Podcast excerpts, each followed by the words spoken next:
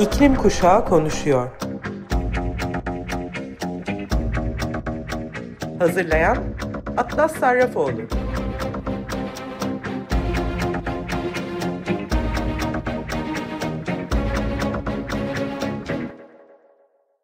Merhaba sevgili sayın Açık Radyo dinleyicileri. Son iki haftadır sizinle olamadığım için çok üzgünüm. İlk hafta Youth for Climate Türkiye ekibinden iklim aktivisti arkadaşım Onat Karakuzu ile İtalya'da Fridays for Future'ın düzenlediği iklim aktivistleri kampındaydık.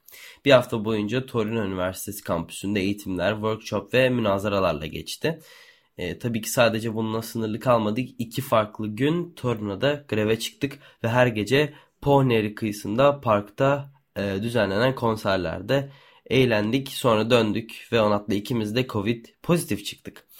E, merak etmeyin şimdi iyiyim ve radyo programlarıma geri dönebildim. Bugün yine iklim krizi e, konusunu odağına almış bir girişimciyle birlikteyiz. İklim kuşağı konuşuyor da bugünkü konuğum nişasta bazlı atıklardan biyopolimer üreten Plastik Move'un kurucusu 22 yaşındaki Büşra Köksal. Kısa bir süre önce Plastik Move üstelik 4,5 milyon dolar değerleme üzerinden yatırım almış. Büşra hoş geldin. Hoş buldum. Nasılsın? İyiyim, teşekkür ederim. Sen nasılsın? Ben de iyiyim, teşekkür ederim. Ee, şimdi e, senden seni dinleyebilir miyiz? Büşra kimdir? Tabii, ben Büşra. E, Plastic Move isimli biyoteknoloji şirketinin kurucu ortağıyım. E, 22 yaşındayım ve aynı zamanda fizik öğrencisiydim. Okulu bıraktım.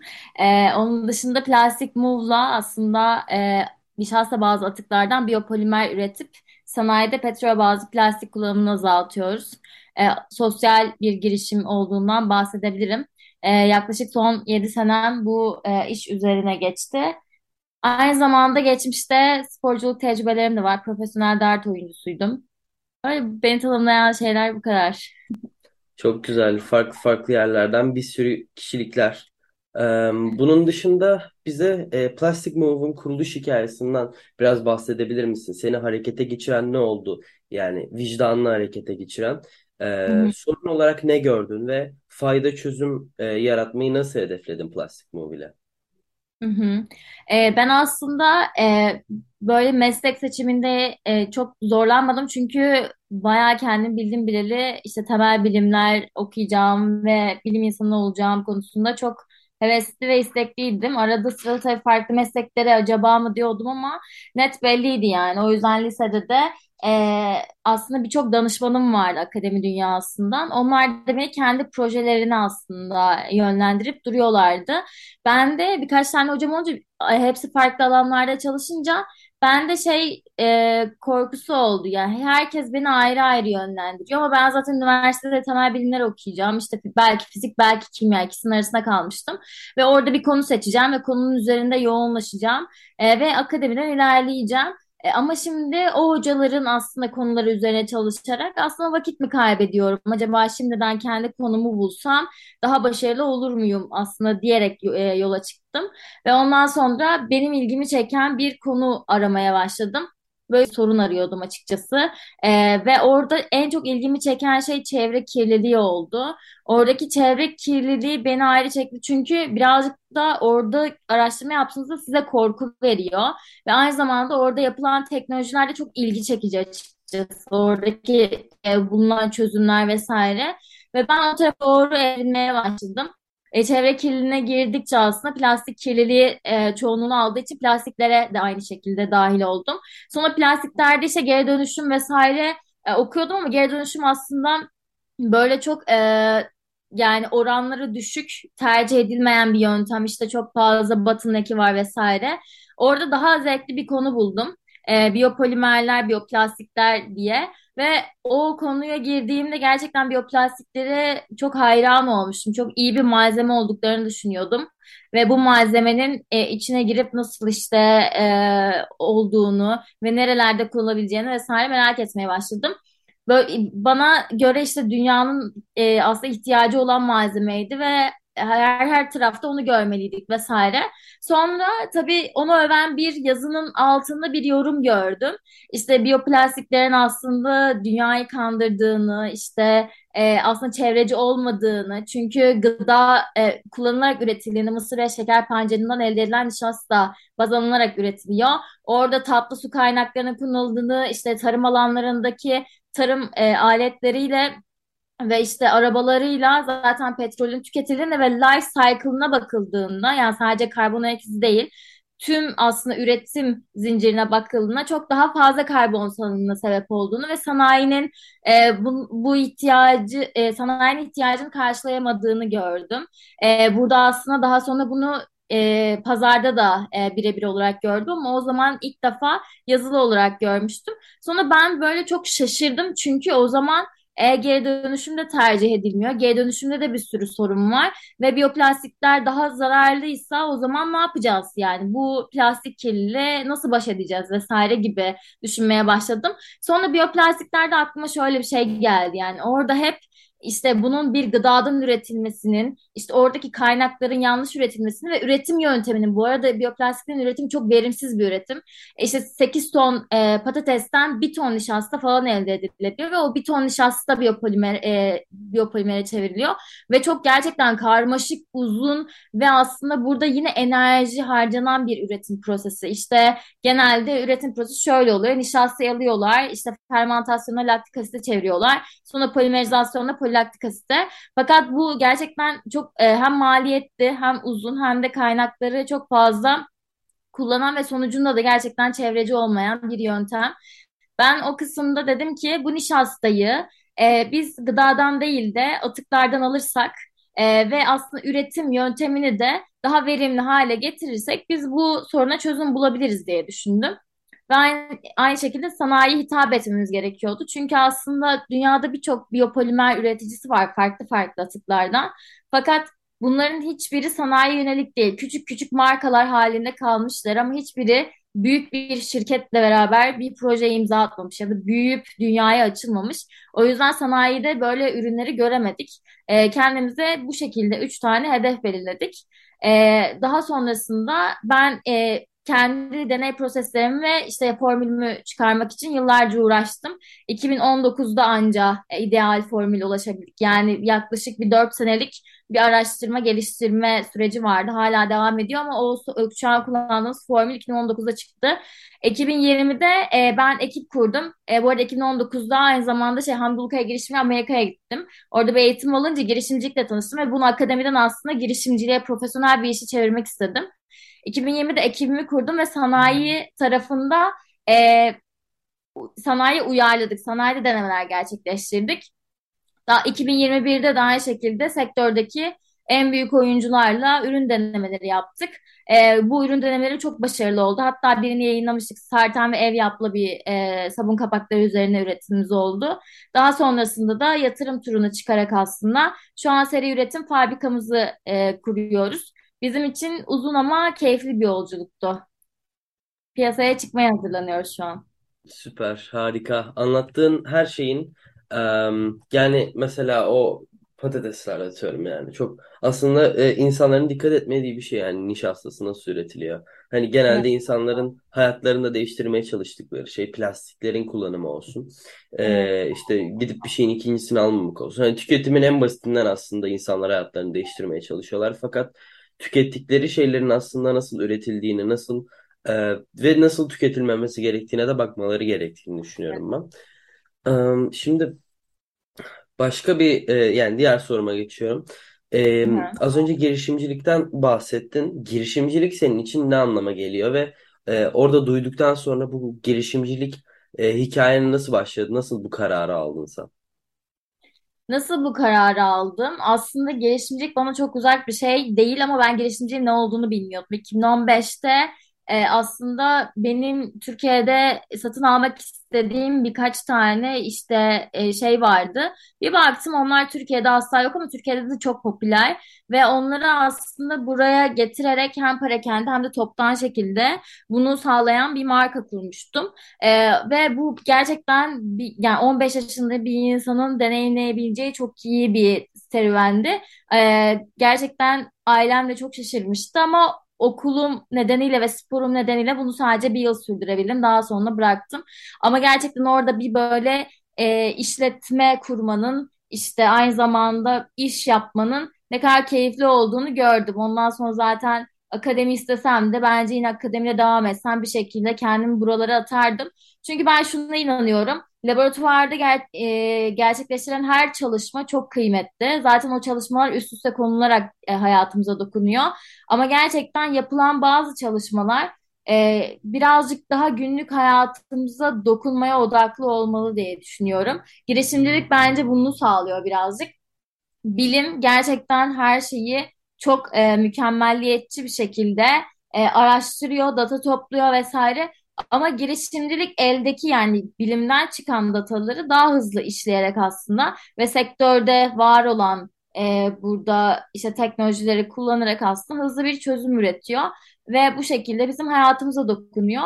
Aslında hayatımıza dokunmayan teknolojilerin ne kadar iyi olduğu e, tar yani tartışılır. Oradaki iyi olma kriterlerine bakılması lazım. İşte böyle internette dolaşıyor ya gerçekten çok üst seviye teknolojiler. Bakıyorsun videoda işte aa bu mu çıkmış işte ne bileyim e, gözlük vesaire ama gözlükten işte projeksiyon oluyor vesaire. Tabii bu videoların birçoğu e, şey yani sahte ama gerçek olanları da var fakat bunlar bize ulaşamıyor. Neden? Maliyetinden dolayı belki. Belki pazarı yok. Belki başka şeyler vesaire. Girişimcilik bence tam olarak bu. Yani hayatımıza dokunan ve etkisi olan bir şey. Ben bu çalışmayı akademide yapsaydım orada kalacaktı. Ve e, oradan alıp e, sanayi uyarlama kısmında e, aracılar yok. Yani akademisyen akademi kısmını hallediyor. Sanayici sanayide inovasyon gerçekleştiriyor. E, kimsenin e, öyle bir kültür de yok maalesef. Hem Türkiye'de hem de dünyada da çok az. E, işte sanayinin akademiden beslendiği özellikle Türkiye'de böyle bir kültür maalesef yok. O yüzden aralarında bir köprü yok ama girişimcilik bence tam olarak aralarındaki şeyi yapıyor yani. Oradaki bilimi alıp hayatınıza uyarlayıp veriyor. Tabii bu her girişim için aynı olmayabilir ama bizim için bu demekti. Yani bizim biz bu teknoloji ürettik ama bu kullanıldığı takdirde değerli olacak. Marketlerde gördüğümüz takdirde değerli olacak. Ve aynı zamanda sanayiye gerçekten büyük ölçekte bu markalarla evimize ulaştığında değerli olacak dedik. Bizim için aslında girişimcilik birazcık da e, böyle bir şey. Harika. Yani e, aslında şöyle sen de iklim aktivistisin, ben de iklim aktivistiyim. E, ve iklim e, krizinin etkilerini azaltmak için e, farklı yöntemlerimiz olsa da hedefimiz ikimizin de ve aslında dünyadaki milyonlarca kişinin de hedefi aynı. E, peki e, bu krize etkili bir çözüm sağlamak için ne gibi temel adımlar atılmalı sence? Ee, şöyle aslında e, ben şu ana kadar hiç kendimi iklim aktivisti diye tanımlamadım. Bence sizinle aynı şeyde değilim. Çünkü siz gerçekten bu işe e, bir sorumluluk hissederek başladınız. Ben kendi meslek dalımda bu işin beni çekmesiyle başladım ve sonrasında çok büyük sorumluluk hissettim tabii ki. Ama aynı zamanda bu bir iş olduğu için e, öyle olsam bile kendimi öyle tanımlamakta birazcık zorluk çekmiyor değilim.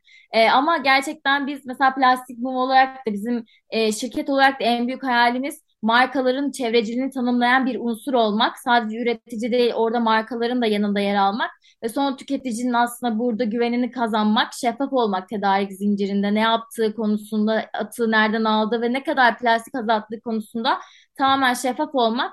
Böylece son tüketicinin gücünün de arkasında olarak aslında markaların da greenwashing yapmasını engelleyen bir işte biyoteknoloji girişimi olmak.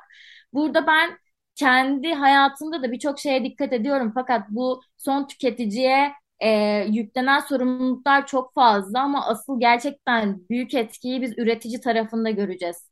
Ama üretici tarafında görmemiz için de son tüketicinin böyle bir ilgisinin olması gerekiyor. Böyle bir beklentisinin olması gerekiyor. E, bu aslında birbirine çok kısır döngü zincirle bağlanan e, bir süreç. Ama bunun her iki taraftan çok hızlı değiştiğini görüyoruz biz. Ben e, son tüketiciler için gerçekten artık insanların e, bir şeylerin farkına varması gerektiğini düşünüyorum. Zaten ekonomi çok kötü. Bu yüzden bence insanlar gereksiz alım yapamıyordur. Ama e, haberlerde şeyi görünce çok sinirleniyorum gerçekten. İşte özel jet kullanımına, işte böyle saçma sapan gerçekten çok egovari e, aslında şeylere oldukça sinirleniyorum. E, son tüketici kısmının dışında markaların e, buna ciddi bir ilgisi olduğunu söyleyebilirim. E, gerçekten e, herkes böyle çözümler arıyor şu anda. Hem regülasyonlar olduğu için hem de son tüketici böyle bir şey istediği için. Fakat markaların da değişmesi gerektiği nokta şu. Ambalajlarında e, aynı renk ve aynı kaliteyi bekliyorlar. Kalite derken şundan bahsediyorum. Mesela biz atık ekmeklerden üretiyoruz bunu ve çok hafif bir ekmek kokumuz oluyor. Bu kokunun giderilmesini istiyorlar ve atıyorum bizim kendi rengimiz var. E, hafif kahverengi bir renk ve bunun tamamen cırtlak bir sarı olmasını istiyorlar vesaire. E, hem bu kadar doğa dostu bir ürün bekleyip hem de eski ambalajın aynı olmasını beklemek bize çok ütopik geliyor. E, bu kısımda zaten son tüketici e, kısmında da aynı şekilde bizim e, kendimizin var olan rengi de oldukça doğal duruyor ve kokumuz da zaten o e- ekmekten üretildiğini kanıtlayan bir şey ve bunun da aslında daha doğal olduğunu düşünüyoruz yani kimyasallar katarak biz bunu arge yaparak hem kokusunu hem rengini çözebiliyoruz ama kimyasallar katarak daha fazla e, bu kısımda ham madde harcamak ya da daha fazla o e, kimyasalı kullanmak istemiyoruz açıkçası. E, bu kısımda markaların birazcık daha bunlara okuyor olması lazım. Çünkü yurt dışında böyle şeylerin olmadığını görüyoruz. Yani yurt dışında gayet gri, ambalajlı su şişeleri vesaire kullanılıyor ve insanlar onun aslında biyo ve geri dönüştürülmüş olduğunu ambalajından anlıyor. Bence e, o kısımda birazcık daha esnek olabilirler diye düşünüyorum. Anladım. Ee, şimdi ya bence kendine iklim aktivisti diyebilirsin. Çünkü problemi görüp buna işaret edip e, problemi çözmeye kendini adadığın için aslında sen de hani bu konuda bir aktivite yaptığın için aktivist de bence oluyorsun en azından bizim gözümüzde. Ee, şimdi şöyle e, yani ben genelde iklim krizine doğrudan veya dolaylı olarak ilişkilendirilmiş çözüm sağlayıcı ve girişimcileri e, bu programı konuk almaya özen gösteriyorum. Türkiye'de şu anki ekonomik ortamda e, herhangi bir girişim kurmak, senin de söylediğin üzere hani ekonomi kötü, zorlayıcı olabiliyor bu, bunu kurmak. E, plastik move girişimini kurmaya karar verdiğin zamandan şu ana bulunduğumuz noktaya kadar neler yaşadın ve ne gibi zorluklarla mücadele ettin? Ya bir kere ben bu projeye lisede başladım. Her lisenin bir laboratuvarı mutlaka oluyor. Fakat o laboratuvarı biz hiç kullanamıyoruz nedense öğrenciler olarak. Hiç orada deneyler yapılmıyor. En azından benim lisemde asla yapılmıyordu. O yüzden o laboratuvarlar neden var bilmiyorum. Ben kendi projemi yapmak istediğimde de bu e, imkanlar bana sunulmadı. Ve ben 2019'a kadar aslında gerçekten e, çok orada burada laboratuvarlarda çalıştım. Üniversiteler zaten lise öğrencisi olduğum için beni sokmuyorlardı. Ve ben çok işte e, aslında zorlanarak deneylerimi yaptım. En son işte 2019'da e, asıl formüle ulaştığımızı Zincirlikuyu Mezarlığı'nın yanındaki meslek lisesinde falan yapıyorduk ve o laboratuvar bence en son 10 yıl önce falan kullanılmıştı. E, or orayı da İstanbul Sanayi Odası sayesinde yani hani e, kullanabiliyorduk. Birincisi böyle bir problem yaşadım. Bence çok sıkıntıydı. E, ikincisi de aynı zamanda e, Türkiye'de bilim yapmak zor çünkü çok fazla destek yok. E, finansal anlamda destek yok. Şimdi girişimcilik dünyasına yatırım dediğimiz şey var ama yatırım bir noktaya geldik gelmenizi bekliyorum. O noktaya gelmeniz için de yani para ihtiyacınız var. O zaman yine kısır döngüye giriyor. E, bu kısımda biz aslında e, destek aldık ama desteği birazcık geç aldık. Yani 2021'de biz işte bir tane devlet desteği aldık. TÜBİTAK'ın e, 1512 olması lazım. Öyle bir desteğini aldık. Ama o da oldukça bence bir işletme kurmak yani profesyonel bir işletme kurmak için az bir ücretti. E, hatta biz patentimizi kitlesel fonlama açarak e, aldık. Ondan önceki tüm e, bu işte deneysel e, kısımlardaki tüm giderleri biz kendi cebimizden karşıladık. Zaten çok uzun senelerce para e, bunlar kazanmadık. Aksine para harcadık durmadan. Bence böyle bir problem var. E, belli bir noktaya gelene kadar ne finansal anlamda destek verilmiyor.